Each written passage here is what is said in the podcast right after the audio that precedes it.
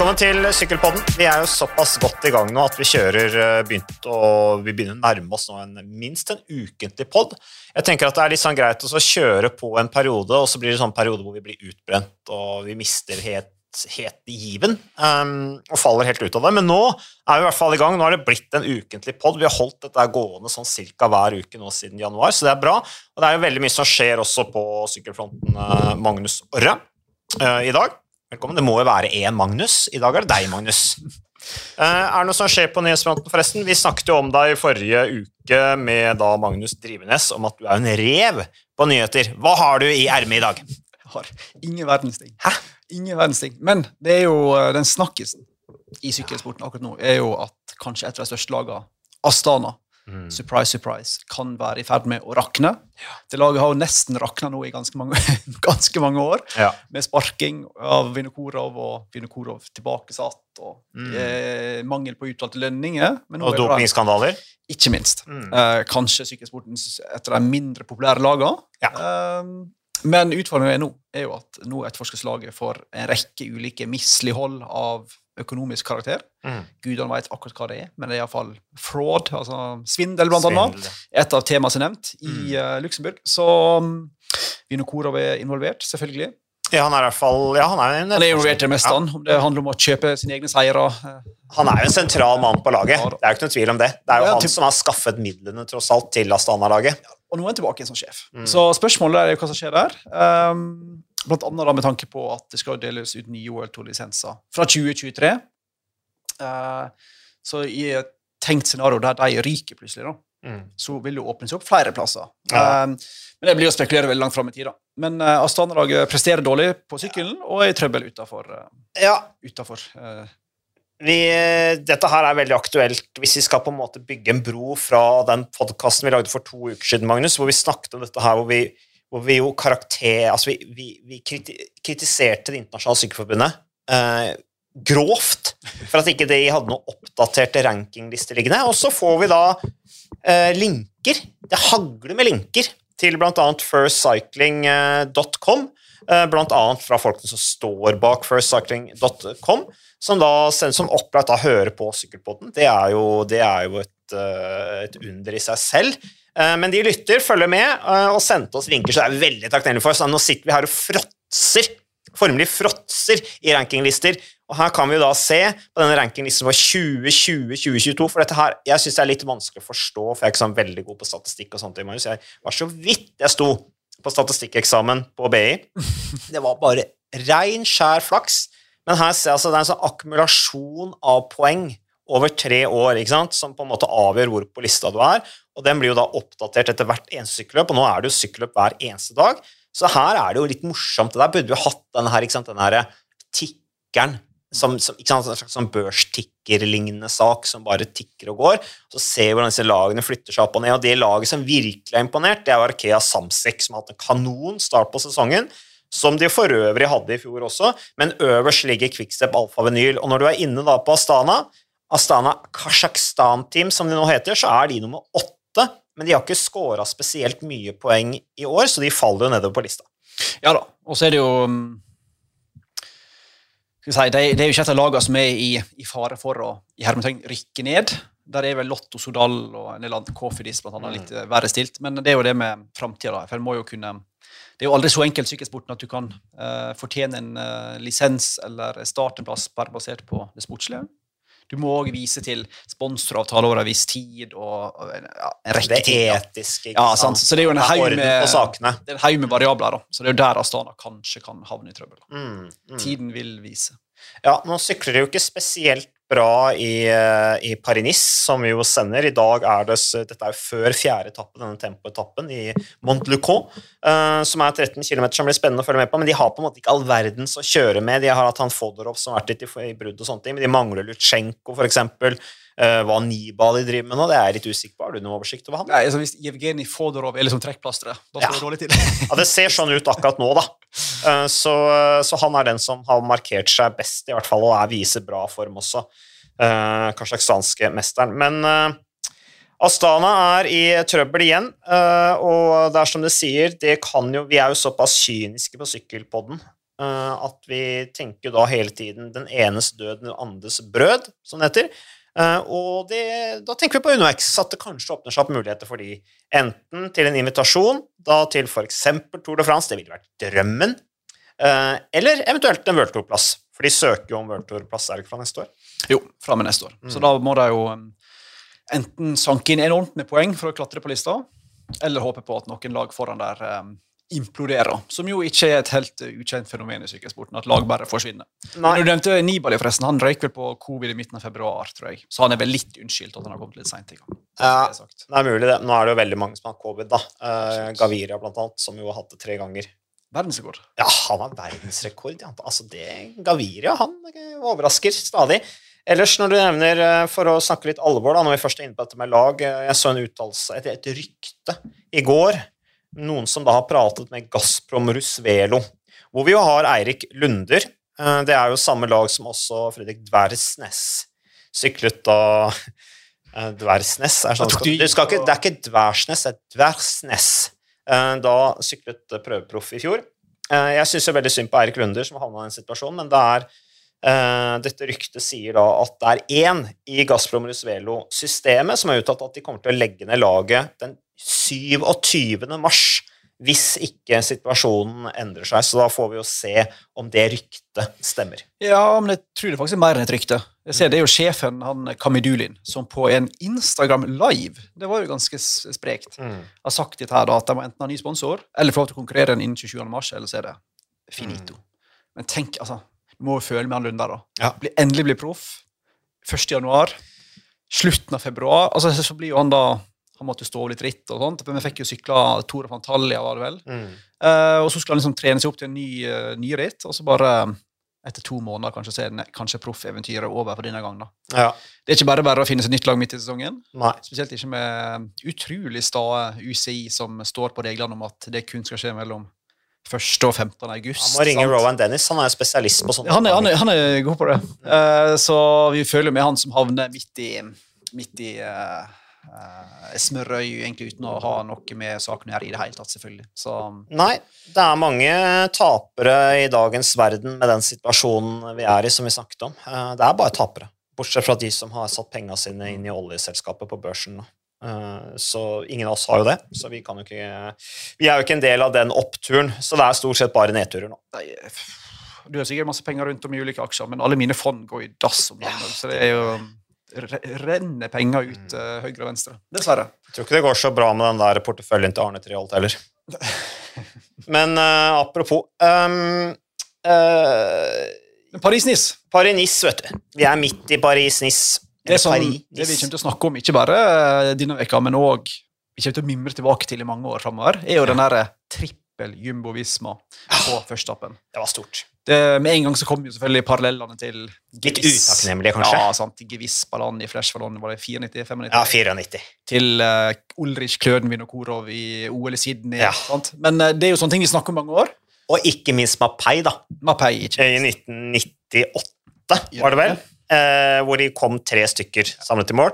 Uh, Mapei så jeg forresten, jeg lurer på om de har tre Paris-Roubais, hvor de har blitt nummer én, to og tre. Bare én gang hvor de har kommet samlet over mål, men de har jo herja så til de grader i det laget. Og det er jo en sånn der eh, Twitter-konto, en sånn der uh, morokonto på Patrick Lefebvre, hvor det liksom med en gang etter med Jumbo Visma, da, at liksom det der, ikke, det der, teller ikke hvis ikke du gjør ditt monument. Det kunne jo vært Patrick Lefebvre som sa det. Nei, men så Det er jo ekstremt sjelden vi ser 1, 2, 3 i sykkelsporten. Mm. Så det var Jeg så ikke den komme. Nei. Men uh, herregud, for et kjør. Laporte der i den siste bakken. og ja, Nathan Hoydonk før det igjen. Og, altså, det var lagarbeid. Ekstremt sjelden du ser uh, en trio komme inn på en slags lagtempo på en uh, åpningsetappe, som egentlig skulle være for spurterne, eller ja. iallfall de som overlevde siste bakken. Ja, nei, det var jo ikke sant, Rowan Dennis, og så var det Nathan van Hoydonk, og så kom Laporte. Det som var stort der, men jeg syns jeg var Laporte som jo på en måte egentlig brukte opp kreftene sine som hjelperytter. Altså på en måte kjørte ut eh, kjørte det han hadde i bånn, uh, for å trekke opp for van Ert og Roglic. Men så klarer han allikevel å presse seg med og i tillegg droppe Stybar, tsjekkeren, som er i kjempeform, faktisk. Skal se litt opp for han i, i klassikerne. Men, eh, men, eh, det var i hvert fall moro å se. Eh, gøy å se. Og så eh, og så har de da et jerngrep på det sykkelløpet. Nå går det noen rykter om at det blir noen endringer på løypa da, på, på lørdagen med Turini og sånne ting, som kanskje skal da tas ut pga. meldt snøvær. Det skal jo være snø i Paris-Nice. Det skal jo være dårlig vær der, ikke sant? Det er jo ikke rittet ritte mot sola. Det er enten burde vært ritte mot vinden eller ritte mot årstida. egentlig. Det er liksom alltid et eller annet rør. Ja. Så det, det har skjedd før, i hvert fall. At det har vært litt endringer på løypa i Paris-Nice. Det er ikke noe sånn det, det, det hører med. Så vi får se. Vi får ta det når det kommer. Men hvis ikke rittet blir kjempehardt, så kan det fort være Valf van Ert som vinner. Vi får se på dagens tempo hvordan det blir. Jeg tipper Valf van Ert kommer til å kjøre det han har, og det gjør for øvrig også godeste, eh, godeste da, altså franskmann i eh, Laporte. Er jo også god på tempo, ble sju på tempoen i Paris i fjor. Så, så, det blir spennende. Litt sånn stang ut for våre um, norske tre musketerer, det er det. Både Carl Fredrik Hagen og Markus Solgaard krasja vel på etappe to. to ja. var vel det. Eh, Leknesund satt litt på feil side av splitten der når uh, splitta ved sidevinden. Mm. Så det er vel alle tre ute av noe som kan minne om et sammendrag. Med mindre Leknesund får en virkelig kanondag. Ja, altså Leknesund er ikke mer enn to-tre minutter bak i sammendraget, så det er mye som kan skje på slutten der.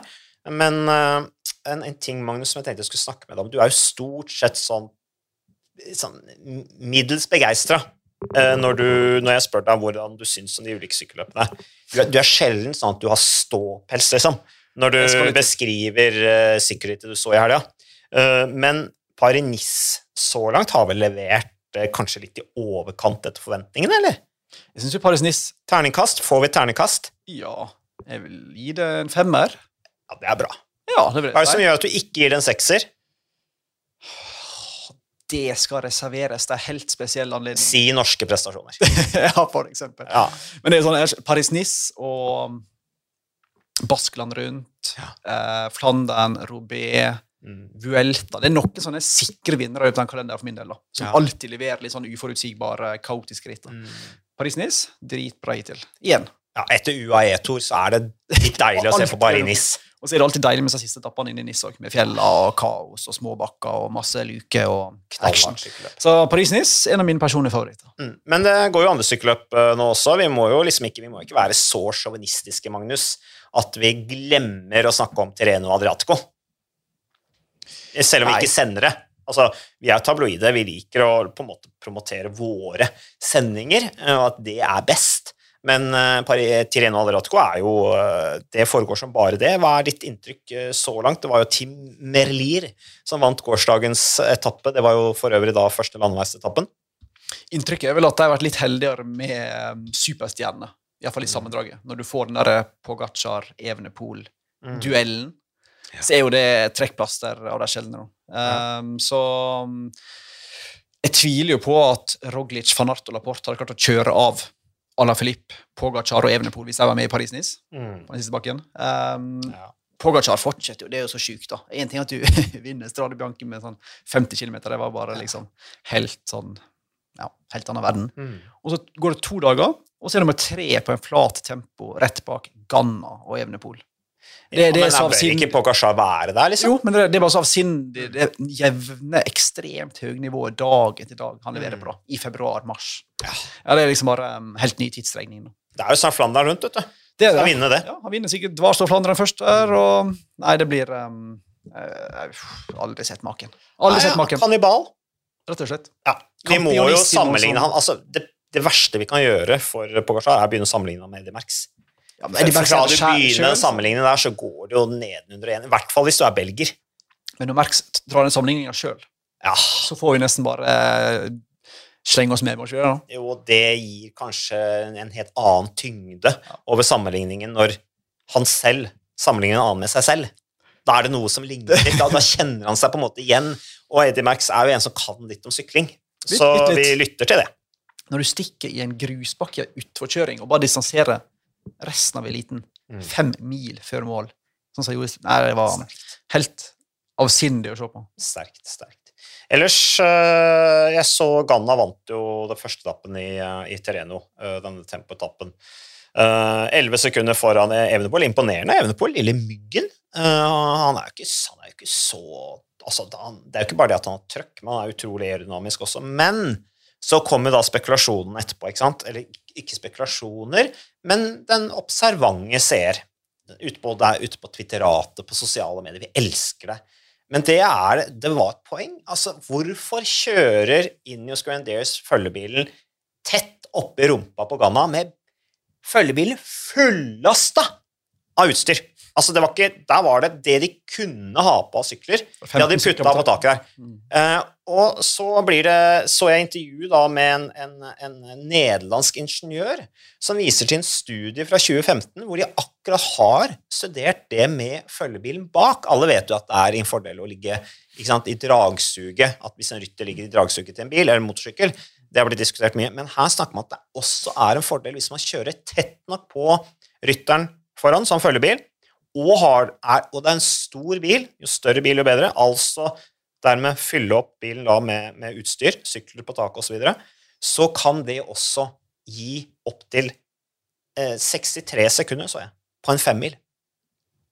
Det er ganske bra. Det er over ett minutt. Ett minutt og tre sekunder. Var ikke nevnt at det kunne gi ett sekund på en sånn kort tempo, og 3,9 sekunder over 40 km? Jo. jo. Så kanskje ikke et minutt, da. Nei, men den undersøkelsen jeg så, så var det det. 63 okay. sekunder på fem mil tempo var det. Men uh, det er ikke sikkert han diskuterer. Det kan være uh, at journalisten har misforstått og skrevet feil, og hva det måtte være, men at det i hvert fall gir en fordel. Ja. Uh, og og estimert ca. ett sekund på den tempoen her, da. Ja. og det er jo egentlig logisk, da. Mm. Det har vært krangla om før, husker jeg, at folk gikk for nærme bak fordi du Skjønner det ikke er så logisk, kanskje. Jeg trekker tilbake ordet logisk, men hvis du får noe bak deg når du skal få fort fram gjennom lufta, mm. så vil du skape et dragsug når lufta går rundt deg og ja. bak. Du vil få en hale som drar deg bakover. Mm. Så hvis du klarer å eliminere den, og samtidig få lufta som møter fronten av bilen, til å skubbe deg framover, ja. Så deilig. Så er det logisk. Og det er jo selvfølgelig ikke overraskende at Inios selvfølgelig er helt der oppe og ser på sånne detaljer. Uh, og de er jo ikke alene heller. Uh, men der, må jo, der kommer sikkert UCI-regelverk i løpet av noen uker, tipper jeg. Ja, for de har ikke gjort noe ulovlig? Nei, sant, har jo ikke det, sant? men du kan jo ikke ha det at alle skal sette opp svære ja, Kjøre med lagbussen, som Alex Dowsett vel kødda med. Eller det var noen som spøkte med at du kan kjøre bussen bak. For, liksom. Ja, men Det er jo regler for hvor høy kjøretøyet ja. kan være. Men når du begynner på å trikse liksom, med utstyret i følgebilene for å gi utøverne en, en, fordel på sykkelen ti meter foran deg, mm. da er du på ville veier. altså. Så her, her, kommer det sikkert til å komme noen UCI-regler inn i bildet. Ja, jeg tror de kommer til å lage en regel hvor det er 30 meter eller noe. Ja. Uh, så, men i hvert fall uh, Poenget mitt da, det var at både Ganna og Evenepool hadde fullstappa bil rett bak seg, mens Pogasjar hadde bare én service altså hadde bare én reservesykkel. Mm. Så uh, da kan det være at han tapte noen sekunder på det. Uten at jeg tror Pogacar, det bekymrer han. Pogacar trenger jo egentlig ikke aerodynamikk heller. da. Han forholder seg egentlig ikke til vanlige fysiske lover. Altså Når du ser på hans sykletempo, så er det ingenting som slår meg som Wow! Han satt inn på sykkelen og får Det er hårtuster overalt. Og, og ja, litt sånn Valverde-type. Ja, litt ryggen opp her og litt sånn. Så det er liksom han um, Old school, egentlig? Newtons lover virker ikke helt på ta det på, kanskje. Nei, et, nei men jeg, jeg, vet ikke om det er riktig eh, at han Vårt inntrykk av han er at han er avslappa, eller om han faktisk er det. Mm. Er han egentlig et petimeter, eller er han ikke et petimeter? Er han bare så fysisk rå at han på en måte ikke trenger å forholde seg til de samme detaljene som andre på aerodynamikk og kosthold og sånne ting? Altså jeg husker historien med Valverde. ikke sant? Eh, selv når jeg sykla ikke sant? Jeg snakka med Floran Brard, som sykla med Valverde i, den gangen det het Kesterpan. Eh, det var vel Romandie rundt, og så sa Brard at ja, Valverde er jo helt utrolig. Han satte seg inn i bussen, spiste en baguett 15 minutter før han skulle starte prologen i Romandie rundt. Svær bakett, liksom. Helt avslappa til alt, da. Uh, og kliner til, kjører bra, liksom. Er, jeg vet ikke. Men uh, vi snakker jo om dagens rytter som sånne ekstreme petimetere, at der har det vært en stor utvikling i forhold til gamleskolen, da, hvor det ikke var så nøye med hva du spiste og trente. Jeg tipper, som du er inne på, at det er litt sånn spill for galleriet, at han er så avslappa. Ja. Han har et støtteapparat som er i alle fall de er ekstremt detaljfokusert. Blant annet han legen og treneren hans, han eh, mm. Inigo San Milan. Ja. Det er ikke masse tilfeldigheter som blir overlatt Nei, det er ikke mange detaljer som blir overlatt til tilfeldighetene der. Nei, Han er forsker og greier. Ja, sant, så, og det har et enormt støtteapparat nå. Så jeg tipper alt, bortsett fra å sykle på følgebilen bak, er tenkt på. Ja. Selv om han later som det er litt sånn care. Mm. Du, uh, i dag så skal vi til Mont Lucot, da, denne tempotappen. Og vet du hva, jeg satt jo også så litt på dette her, da, uh, Magnus, uh, på denne her tempotappen. ikke sant? Man må jo forberede seg litt til, til ritt og sånn. og så så jeg Mont Lucot, hva har vært av sykkelløp der. og der så jeg at Florian var så Kommer fra Montelecaux, det er ikke så mange som husker han. Han var proff fra 2008 til 2020 i mindre franske lag. Roger Kjørte... Valkoviak er derfra? K? Roger Valkoviak. Det var akkurat det jeg skulle til. Oh, ja. det var det som var poenget mitt. Dette her var bare så opp Sorry, nå ødelegger jeg hele moroa. Ja, nå ødelegger du hele greia, men det er fordi at vi har ikke planlagt sykkelpodden. ikke sant? Vi har ikke noe regi. Vi sitter bare og prater vås, egentlig. Men la meg bli ferdig med han der var K først, da. Han vant en etappe i Criterion Dauphiné og har masse veldig bra resultater, men han har jo lagt noe. Men Valkoviak, da. Jeg vet ikke om han har noe polske aner eller et eller annet. Men det spiller ingen rolle. Han var i hvert fall fransk, kommer fra Sønnen til faren er polsk immigrant fra Lublin, Polen, står det i min dokument. Ja, ikke sant. Sånn som flere gode franske syklister har vært. Uh, han døde i 2017, 89 år gammel. Vant Tour de France i 1956 med den gang rekordhøy snittfart på 36,2 km i timen. Men det var noe rart. altså Her vinner en franskmann Tour de France, men Makoviak Den seieren ble ikke særlig tatt godt, tatt særlig godt imot av publikum. Fordi at de ville heller se stortalentet Jack Anquetil gå til topps. ikke sant? Så de var ikke noe begeistra. Og rittdirektøren, da, den gangen Jack Godet, han skrev følgende Lekip. Applausen fra publikum hørtes mer ut som en klagesang, skrev han i Lekip. Og Valkovia han ble preget av dette her. Eh, altså Han var jo også den andre rytteren i historien som vant rittet uten å vinne en eneste etappe.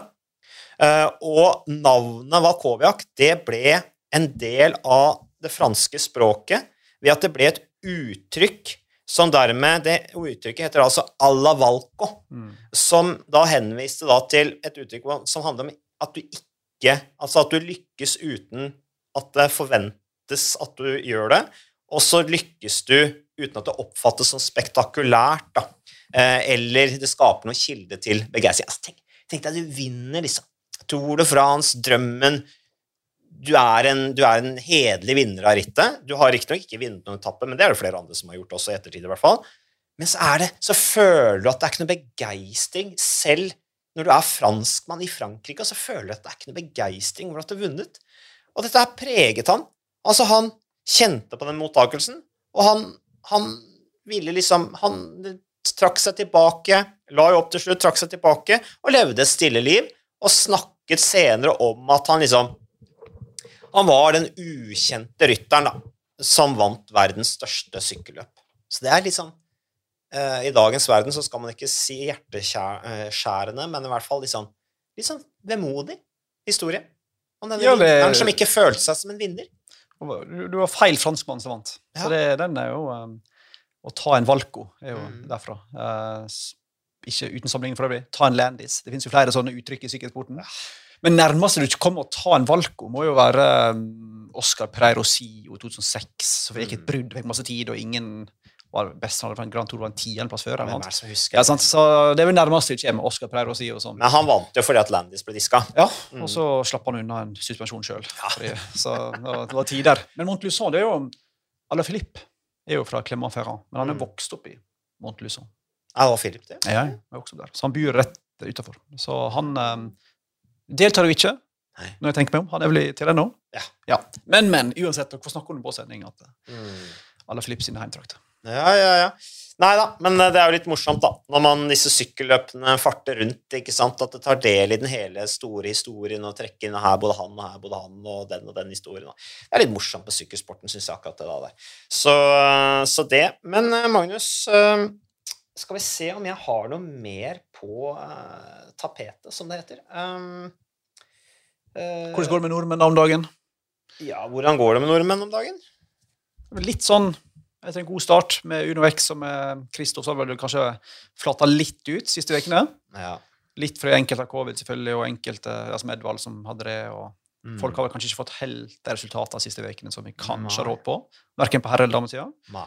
Um, Leknessund viste gode tegn synes jeg, i UAE. Mm. Tor. Litt sånn uheldig start på Paris-Nice, men uh, det er mange kuperte fine etapper inn mot helga. Carl Fredrik meldte om uh, gode bein, iallfall. Sånn mm. testverdimessig før Paris-Nice. Kanskje han mm. kan prøve seg i helga. Ja.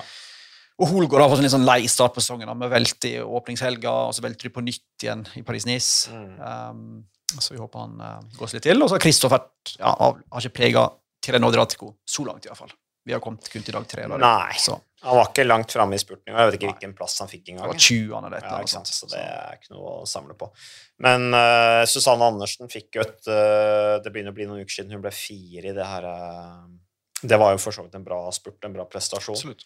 Men dette gjelder jo både på herre- og damesida. Dere må uh, opp i ringa nå, trykke til litt, så vi får noe å snakke om. Med begeistring i stemmen på sykkelpodden. Det var annerledes når du var ung, vet du. Når du kunne kassere inn en femteplass i et Val de Bessers der og bare surfe på medgangen til to Ja, ja. I, I motsetning til han uh, Valkoviak, så følte jeg i hvert fall at det fortjente den. Å ta en kaggis, det er jo å begynne med fem i et lite ritt.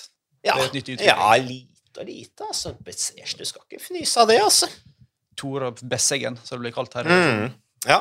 Det, det, det vekker assosiasjoner til høye fjell og imponerende daler. Så nei da, det er moro. Men uh, danskene er på hugget i hvert fall. Mats Pedersen vant gårsdagens etappe i, uh, i Paris-Nice til Dun Le Palestel, som det for øvrig er et uh, årlig kriterium sitt. Går 15.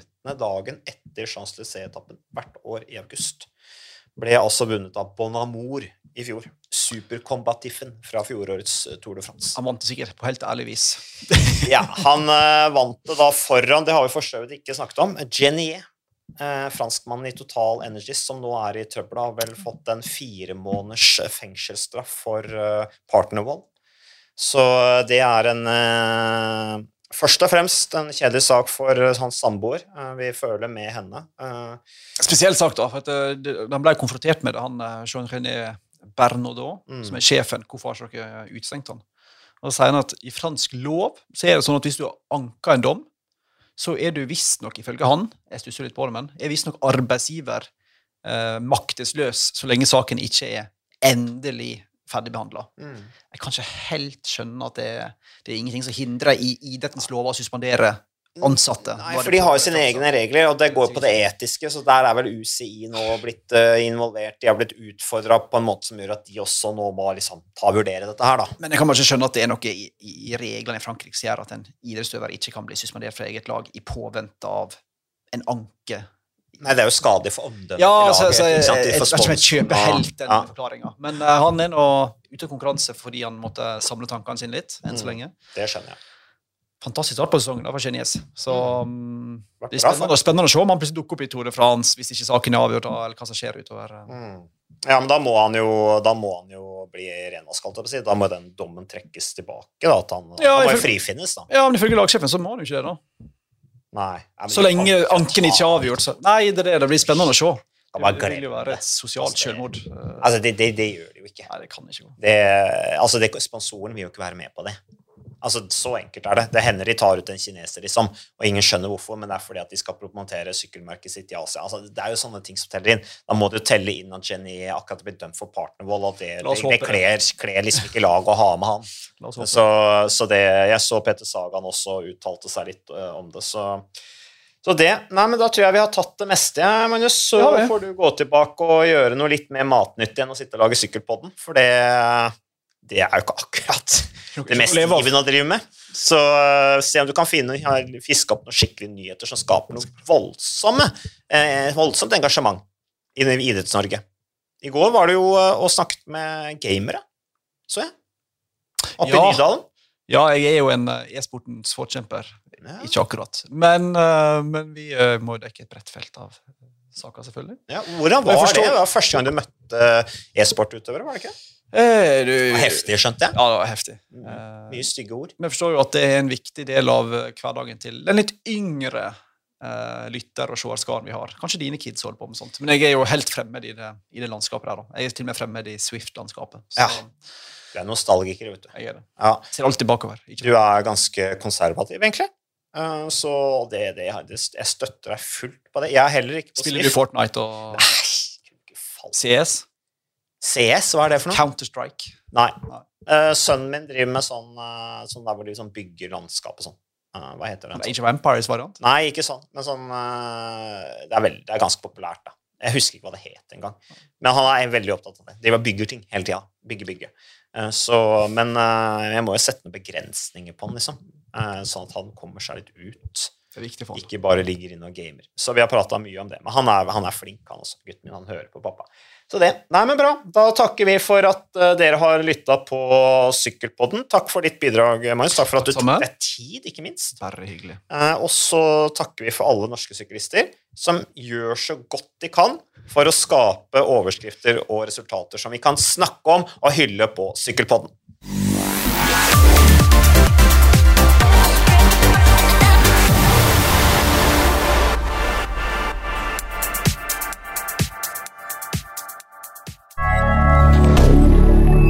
哎呀，